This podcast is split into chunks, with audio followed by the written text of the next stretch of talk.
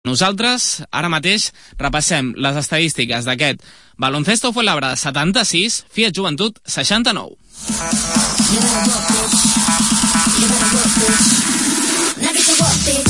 Amb 17 punts, Albert Miralles i John Shurna han estat els màxims anotadors. Miralles amb 8 de 10 en tirs de 2, 3 rebots i 19 de valoració Shurna.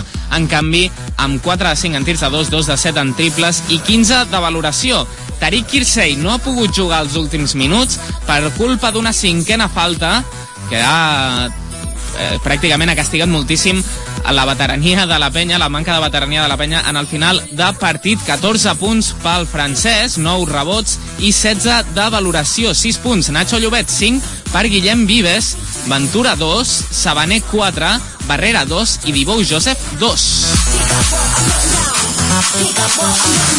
Andy Panko ha estat el màxim anotador del Fuenlabrada amb 21 punts i 6 rebots, 23 de valoració pel nord-americà. 13 punts Carlos Cabezas, 14 Feldein en 33 minuts, Diagné 2, Vega 4, Montañez 5, Arnold 8 i 5 rebots, Vargas 7 punts, 7 rebots i Paunich 2.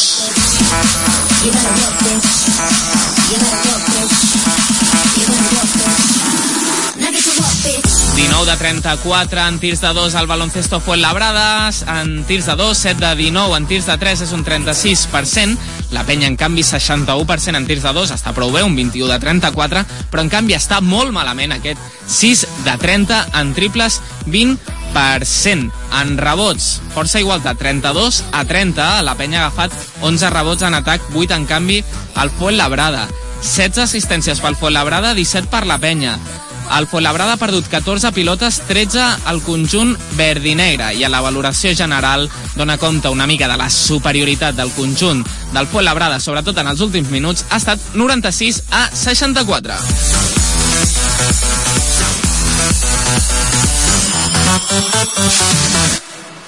Doncs fins aquí les estadístiques d'aquest Fuenlabrada 76 Fiat Joventut 69. Nosaltres esperem les reaccions dels protagonistes d'avui amb Xavi Ballesteros des de uh, Fuenlabrada, des de uh, la part interior, diguem-ne, d'aquell pavelló esperant doncs, que Salva Maldonado dongui la seva versió i repassem també nosaltres el que dona de si aquesta jornada de la Lliga CB perquè els rivals directes del Fiat Joventut podríem dir que li han fet un favor al conjunt de Salva Maldonado. El Cajasol ha perdut ha definitivament 81 a 75 contra el Madrid. Es podia esperar aquesta derrota, tot i que el conjunt de Pablo Lasso li ha costat una miqueta. Només de 6 punts ha guanyat i el uh, Caja Laboral que ha perdut de 9 punts contra el Múrcia, 89 a 80. Això significa que la classificació en aquella zona de playoff està força apretada tot i que l'ACB encara no ha actualitzat aquesta uh, classificació, nosaltres podem avançar que Fiat Joventut, Cajasol i Laboral Cutxa estan empatats ara mateix a 13 victòries i 13 derrotes. 13 victòries, 13 derrotes té Fiat Joventut, Cajasol i Laboral Cutxa, que són setè, vuitè i novè. Per tant, màxima igualtat en aquestes tres posicions. El CAI Saragossa està dues victòries per sobre, tot i que aquesta tarda encara ha de jugar contra el Barça. S'espera una derrota del conjunt aragonès. Per tant, és el proper rival al CAI Saragossa de la penya i podria caure en aquesta lluita mm, al Fiat Joventut li interessa que com més equips caiguin d'aquesta zona alta de la classificació en la lluita, molt millor, perquè tindrà, evidentment, més possibilitats. Per darrere arriba el Guipúscoa Bàsquet, que és desè a dues victòries. Per tant, encara el conjunt de Cito Alonso, queden moltíssimes jornades encara, es podria reenganxar a aquesta lluita, tot i que ho té una mica més difícil. Nosaltres, eh, fent els càlculs, els càlculs doncs, eh, hem vist que el Fiat Joventut i el Cajasol tenen un calendari molt similar. Tots dos, al Fiat Joventut encara li queda jugar contra el Madrid, però sí que és veritat que el conjunt de Salva Maldonado encara ha de jugar molts més partits a casa que els que ha de fer, cinc en concret, que els que ha de fer el Cajasol i hi haurà a la penúltima jornada un Cajasol Fiat Joventut que haurà de ser decisiu. Nosaltres ja tenim a Xavi Ballesteros en so telefònic des de Fontlabrada. Xavi? Doncs pendents de Salva Maldonado, que està fent la roda de premsa, com era d'esperar i com era de preveure, amb multitudinària roda de premsa, el dia que ha tornat Salva Maldonado, una persona molt estimada, com dèiem, durant la retransmissió. Ha rebut l'ovació del públic en la presentació i ara que està fent la roda de premsa l'estem veient a través d'un vidre amb molta gent en aquesta sala de premsa. Amb molta satisfacció entre els jugadors del Fuenlabrada.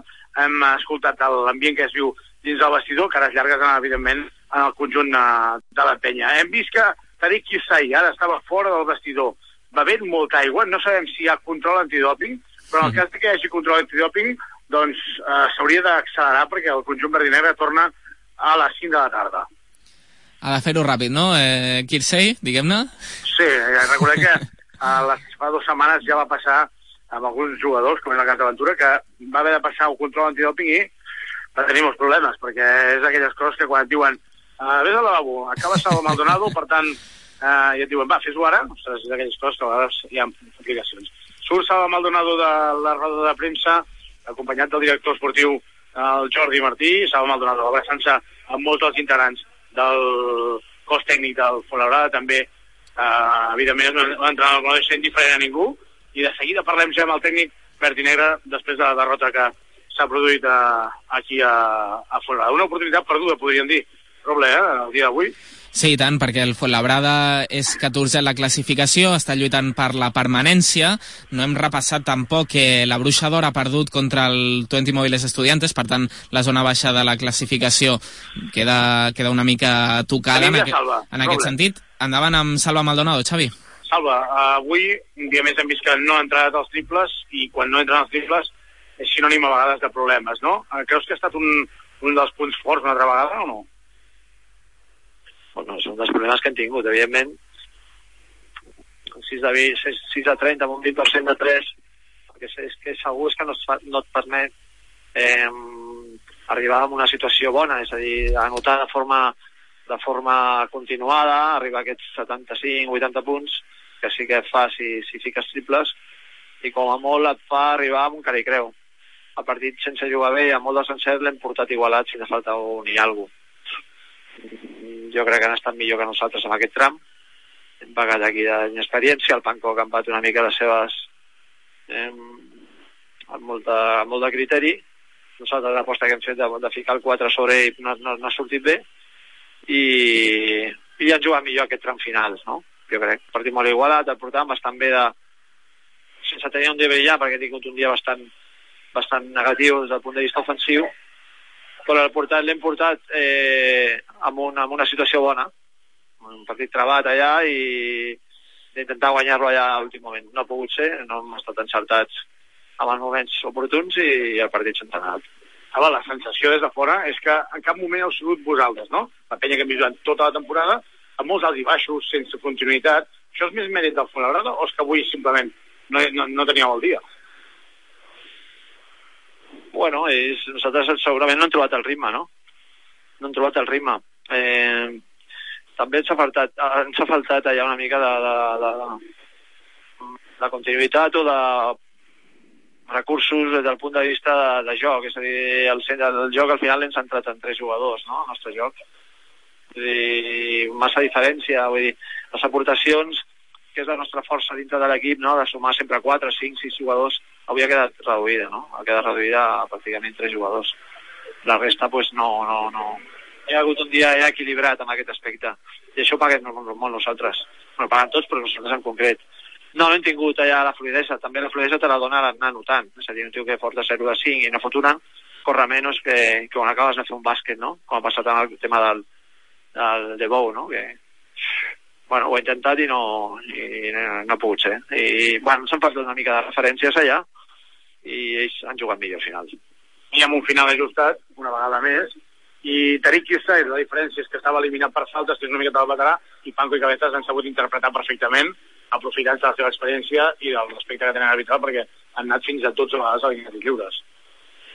Sí, una mica, eh, no estava massa conforme amb aquest tram ells han aprofitat, com he dit abans, la seva experiència i els àrbitres també l'han recollit ràpid, és a dir, ja veurem després el vídeo de moltes faltes que, tal com l'altre partit amb el contacte, Paco, d'aquestes aquest, faltes n'havia fet 10 o 15 durant el partit, aquests contactes.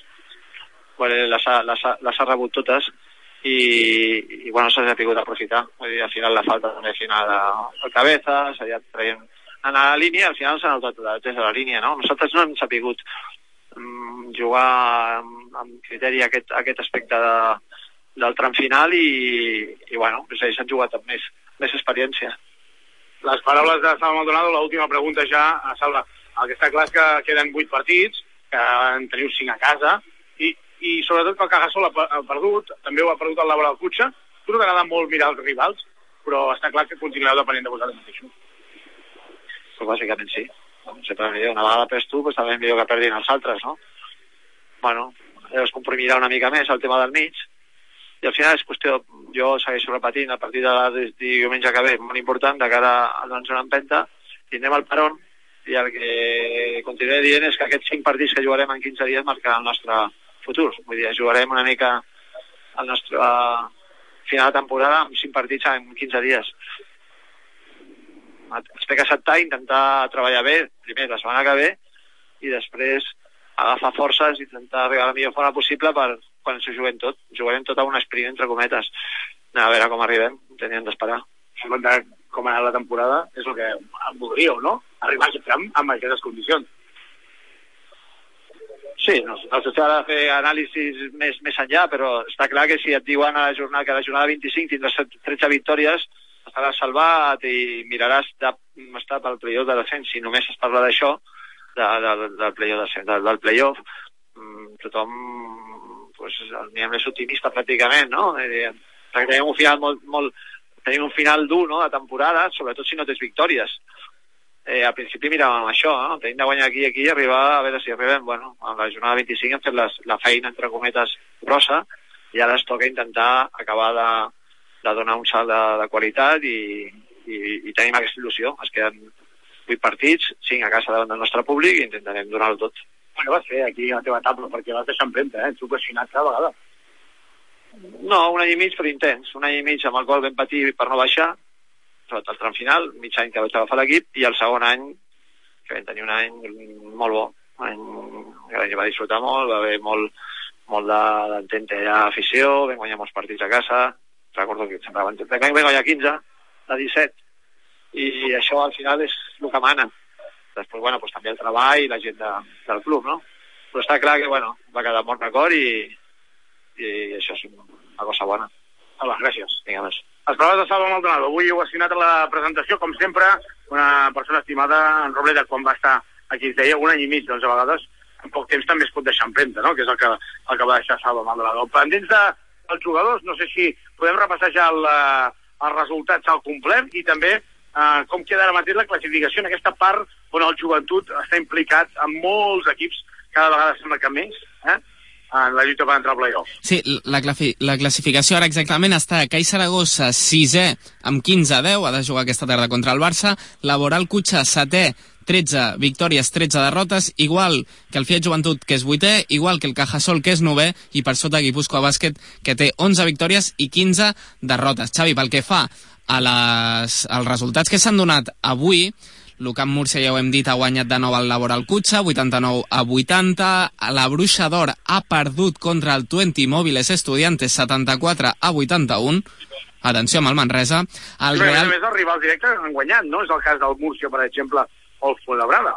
Sí, exactament. Se li posa molt, molt complicada perquè sí, bàsicament aquests eh, tres rivals doncs, han sumat una victòria i ara mateix la Bruixadora està a 17è, penúltima en aquesta classificació. També el Real Madrid ha guanyat 81 a 75 contra el Cajasol i hem comentat aquest Fuenlabrada 76, Fiat Joventut 69. Xavi, queden dos minuts també perquè acabi el Herbalife Gran Canària València, diria que ara queda un minut 13 segons i el València està guanyant de 5 punts de diferència. no nhi el València, eh? perquè jo pensava que tenint en compte la dificultat de guanyar una pista com la de Gran Canària, tal i com juguen intensos, el València jugant-se aquesta setmana el classificar-se per la final d'Eurocopa, dius, home, potser baixarà una mica el llistó. Pensava que el Perasovic això baixar el llistó és impossible, Mai, no? perquè a més eh, ens està donant Esport 3 en directe aquestes imatges en els últims partits i el València fins a l'últim minut amb una intensitat espectacular, superant en intensitat fins i tot l'Herbalife Gran Canària. Doncs pendents d'aquest final del partit, el joventut comentàvem que hi ha cinc partits a casa, eh, Roble, que la gent no es pensi que això serà bufar polles, perquè a casa ha de passar el CAI Saragossa, el Sí, València, propera jornada, sí. precisament, Mhm. el Gran Canària, el Múrcia i l'Estudiantes. Si pensem que el Múrcia i l'Estudiantes s'estan jugant les garrofes de veritat, que són no baixar, o no estan en les posicions de baixar, i que els altres tres equips estan jugant a un nivell sensacional, jo em sembla que la- la- l'efectivitat que es pugui tenir en el Palau Olímpic marcarà el desenllaç de les opcions de la penya, no? Sí, perquè a fora li quedarà Real Madrid, li quedarà Bilbao Bàsquet i li, setmana, per cert, i li quedarà Cajasol. imagina't, Sí, sí. un Cajasol que avui ha competit contra el Madrid sense eh, dos dels jugadors que, que s'han lesionat, perquè l'Ombri tampoc no ha jugat avui, un dels jugadors que van intentar fitxar per, per completar la, la plantilla, però tot i així, el que està fent l'Aito, No, no, però és, el barret, eh? és que a més eh, Porzingis en 20 minuts ha anotat 20 punts. Què dius? Porzingis, que és un jugador nascut al 1995, i això vol dir que té doncs, 18 per 19 anys. déu nhi doncs comencen a sortir alguns dels jugadors, surt de Boi Josep, que es posa a parlar amb Vargas, el, la plantilla de la penya que marxa, com dèiem, a les 5 de la tarda, va venir amb avió ahir al, al vespre i marxarà avui amb tren a les 5 de la tarda, té prevista l'arribada a les 9 del vespre aproximadament a Badalona. Uh, demà hi haurà entrenament a la tarda, tornarà a fer-ho en doble sessió dimarts, però que el pròxim partit del Fill de Joventut serà diumenge vinent en el Palau Olímpic contra el CAI Saragossa. Torna Pere Tomàs i torna Enc Norel. Sí, així és, el CAI Saragossa, eh, que ha de jugar aquesta tarda contra el Barça, i Xavi, seria també molt important derrotar el CAI Saragossa per ficar-lo també una miqueta en la lluita, no, aquesta? Sí, ara mateix està a dues victòries al conjunt uh, aragonès de la penya i el que passa que em sembla que el CAI des de que no juga a competició europea està jugant amb molta més tranquil·litat. Eh? Deixa'm dir-te que el CAI Saragossa és una de les opcions eh, el CAI, tant el CAI Saragossa com el Bruixa del Manresa per poder jugar aquesta setmana que deia el Salva que hi ha una aturada Sí. eh, que hi ha la, compe- els quarts de final de l'Eurolliga i la penya li tocava jugar contra el Madrid, el Mhm. partit contra el Madrid es juga el dia 1 de maig, que és el dia de la festa del treballador, a Madrid. I per tant, per no estar dues setmanes sense jugar, la penya està intentant buscar un partit entre setmana per mantenir com a mínim el nivell de, de compatibilitat. Veurem si ho fan o no. Allò amistós. Sí, un amistós, el, entre setmana, el CAI Saragossa en principi no serà, perquè tenint en compte que juguen la setmana anterior, doncs no hi hauria molt de sentit, potser seria el cas de la Bruixa d'Or Manresa, que, que ha perdut i, evidentment, està, està ara en un moment molt delicat. Veurem si hi ha canvis, eh, a Manresa. Clar, és que ens els esperàvem, no?, després de la victòria del Valladolid. No sé si, si es va arribar realment a plantejar aquesta opció, però Borja Comenja va quedar bastant tocat a la seva credibilitat després d'una derrota tan abultada contra el Valladolid la setmana passada de 20 punts de diferència i avui, que era un cara a creu contra un rival directe com era l'Estudiantes, doncs li que parlem amb un jugador ex-Manresa? Vinga, va. perquè surt del vestidor Roman Montañez, uh, Roman, uh, victòria importantíssima al Fuenlabrada d'avui. No sé com has vist el partit, però heu fet, heu fet que la penya no jugués amb bones sensacions. Sí, jo crec que nosaltres hem estat molt, molt bé en defensa, crec que ells no, no han portat el ritme de partit, sí que hi ha hagut un moment, ells es troben molt còmodes en, en el córrer i nosaltres hem intentat per això, i està clar que em sembla que, que ho hem fet bé i no han estat jugant còmodes. Una victòria que us dona una certa tranquil·litat, no? tenint en compte a més a més els resultats de la zona baixa. Sí, bueno, encara no sé resultats, em sembla que Manresa ha perdut, però Múrcia ha guanyat, o sigui, jo crec que, que bueno, estem encara una mica apretats, però la veritat és que traiem una mica el cap i bueno, volem seguir donant victòries, creiem que encara podem fer, millorar alguna millor com a equip i intentar pues, sumar més victòries i a veure on ens quedem a final de Lliga. Abans, des de l'arribada de Luis Casimiro, suma tres victòries molt importants. Uh, L'equip sembla que juga més suelto, no? Sí, jo crec que sobretot en defensa l'equip està millor. Crec que, que tothom sap eh, les situacions que es donen dintre del joc, tothom sap on, on s'ha de situar en defensa, o d'on han de vindre les ajudes, i això és molt important per l'equip, no? I en atac, doncs, bueno, un cert rigor que fa que, que l'equip es trobi còmode. Jo crec que l'arribada de Lluís ha sigut molt positiva. Que per acabar, deixa'm preguntar-te pel Manresa. Un, tu ets un jugador de, de Manresa, ets al Manresa, ho vius molt, i escolta'm, un altre any, situació molt delicada, no? Sí, la veritat no sé molt bé què està passant, però porten dos anys molt, molt dolents. Uh, de veritat que li desitjo el millor, però està clar que, que porten una temporada molt dolenta. Van començar més o menys bé, uh, mostrant un ritme de joc uh, i una intensitat molt bona, però jo crec que, que al final la Lliga Endesa hi ha molt scouting i arriba un moment que els equips uh, t'agafen ja la matrícula, saben com, com jugues i, i no han sapigut canviar una mica aquesta situació, no? Em sap greu per ells, però bueno, al final això a nosaltres ens beneficia en qualsevol cas. Gràcies. A vosaltres. Molt, molt bé. Les paraules de Roman Muntanyes, el jugador català del, del Fonabrada, i ara començaran a sortir jugadors i, per tant, uh, Raúl, no sé si vols que fem la pausa ara i parlem amb els jugadors o vols que ho fem de, de, de, tot seguit?